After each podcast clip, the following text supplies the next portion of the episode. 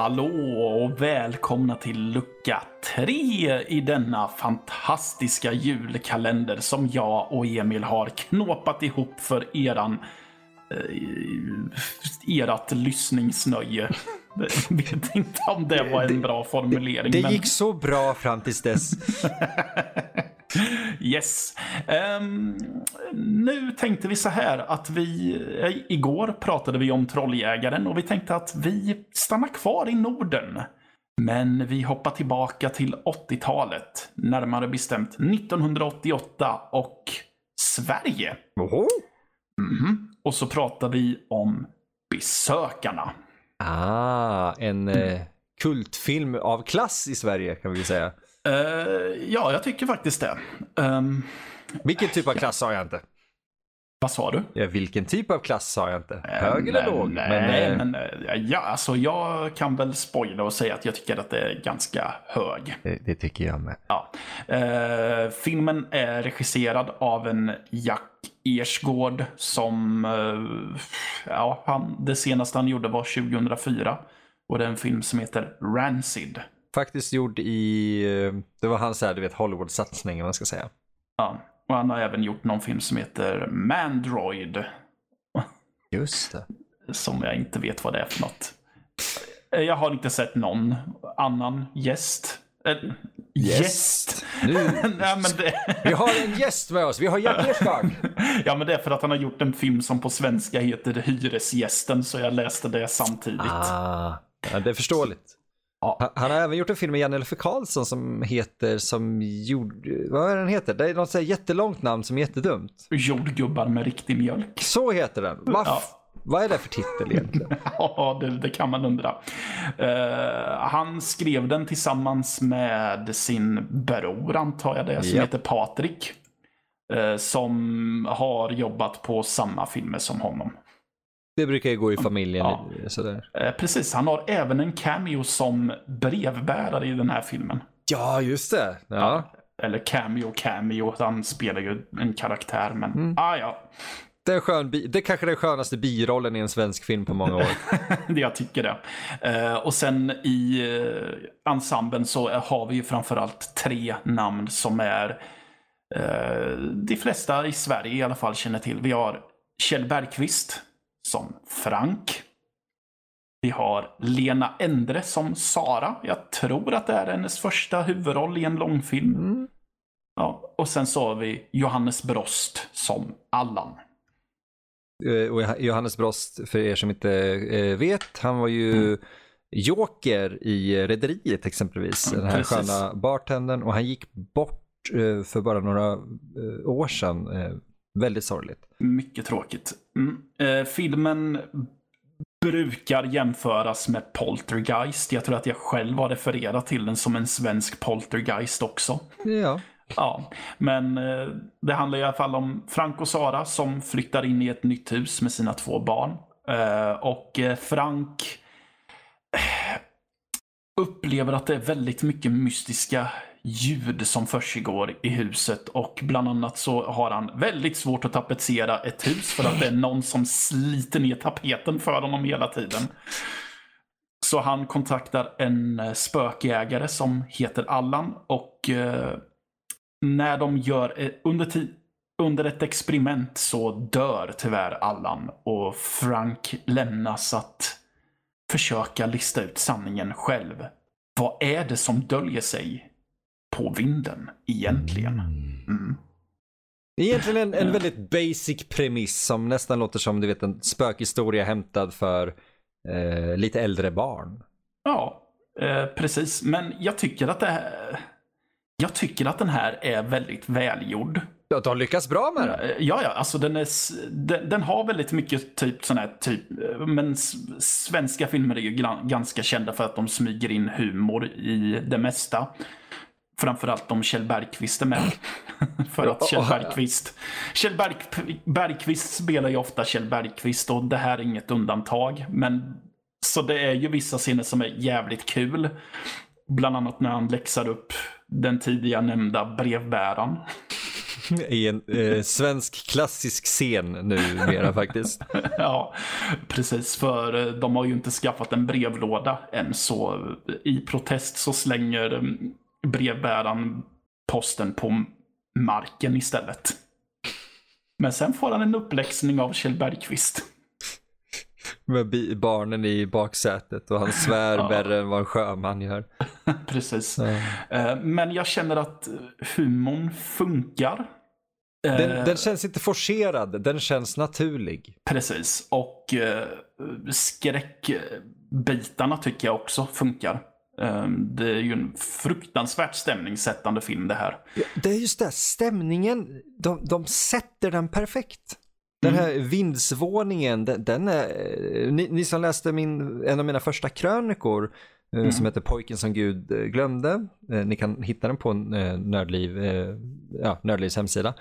Där beskriver jag min relation till den här filmen, för den är lite speciell och jag får fortfarande samma rysningar som när jag var barn och såg den här.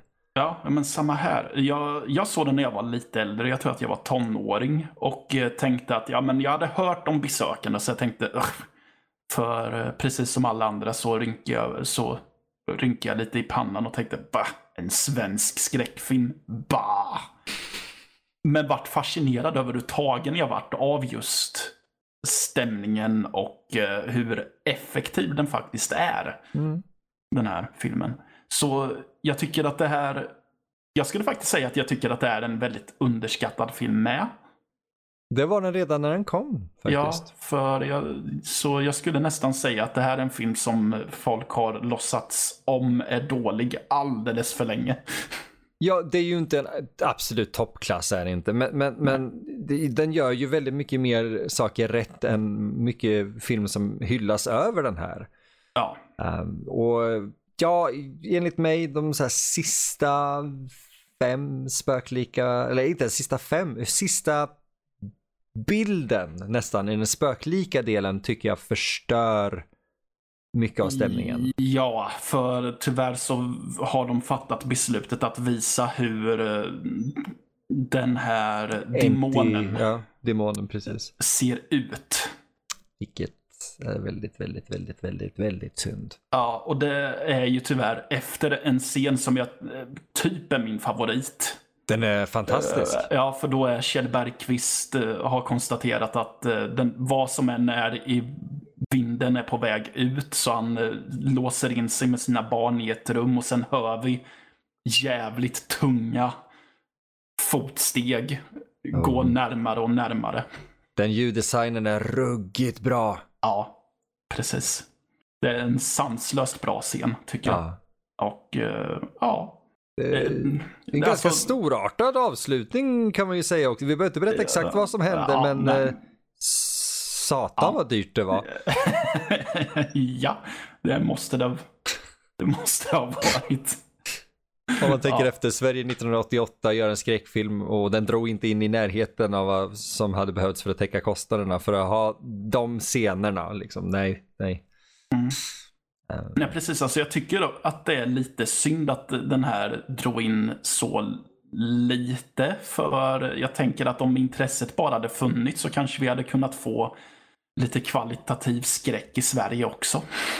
Ja, och i, idag har vi väldigt få som gör det. Jag vill, mm. jag vill som jag brukar göra när vi pratar svensk skräck slå ett slag för Stockholm Syndrome som gjorde Vittra, där också med Johannes Brost. Ja. Eh, det är en lite annorlunda typ av skräck bara. Det är ju mer, mm. Eh, det här är ju mer stämning, där är det lite mer chock på det ja, sättet. Uh, också ett väldigt tydligt kärleksbrev till Evil Dead.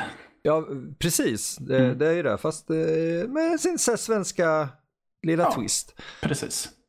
Uh, jag, jag har ju ett par kul ett mm. kuriosa och anekdoter ja. om den här filmen. Och jag, mm. Den ena är att jag köpte nämligen den här till en, en vän i Tyskland. Då var jag tvungen, eller jag tvungen och tvungen. Jag köpte den från Amazons version av Tyskland. Mm.